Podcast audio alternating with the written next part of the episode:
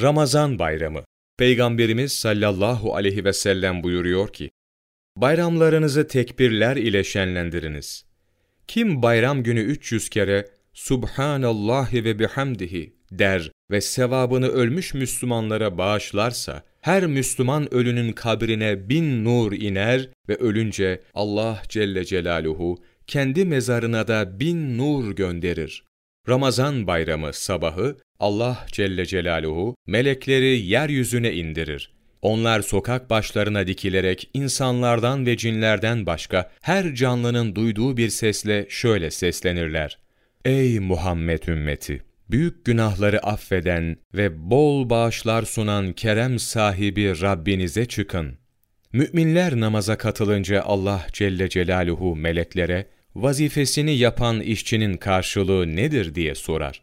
Melekler, yaptığı işin mükafatını almaktır diye cevap verirler.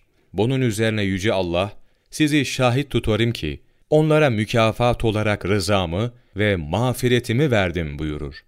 İmam Gazali, Kalplerin Keşfi, sayfa 668-669 Ramazan bayramında şu 12 şey menduptur. 1. Camiye gitmeden önce tek sayıda olmak üzere hurma veya tatlı bir şey yemek. 2. Boy abdesti almak. 3. Dişlerini misvakla temizlemek. 4. Koku sürünmek. 5. Giyilmesi mübah olan elbisenin en güzelini giymek. 6. Kendisine vacipse bayram namazından önce fitre vermek. 7. Karşılaştığı her din kardeşine karşı sevinç ve güler yüzlülük göstermek. 8. Gücü yettiği nispette çokça sadaka vermek. 9. Sabahleyin erkence uyanmak. 10. Erkence bayram namazının kılınacağı yere, camiye biraz hızlıca adımlarla gitmek. 11. Sabah namazını evine yakın bir camide kılmak. 12. Bayram namazı için yaya olarak ve gizlice tekbir getirerek bayram namazının kılınacağı yere gitmek.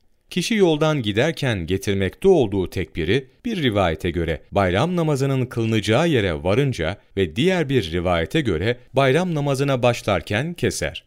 İmam Celaleddin Suyuti, Camiüs Sayır, 1. cilt, sayfa 799, 24 Mayıs Mevlana takvimi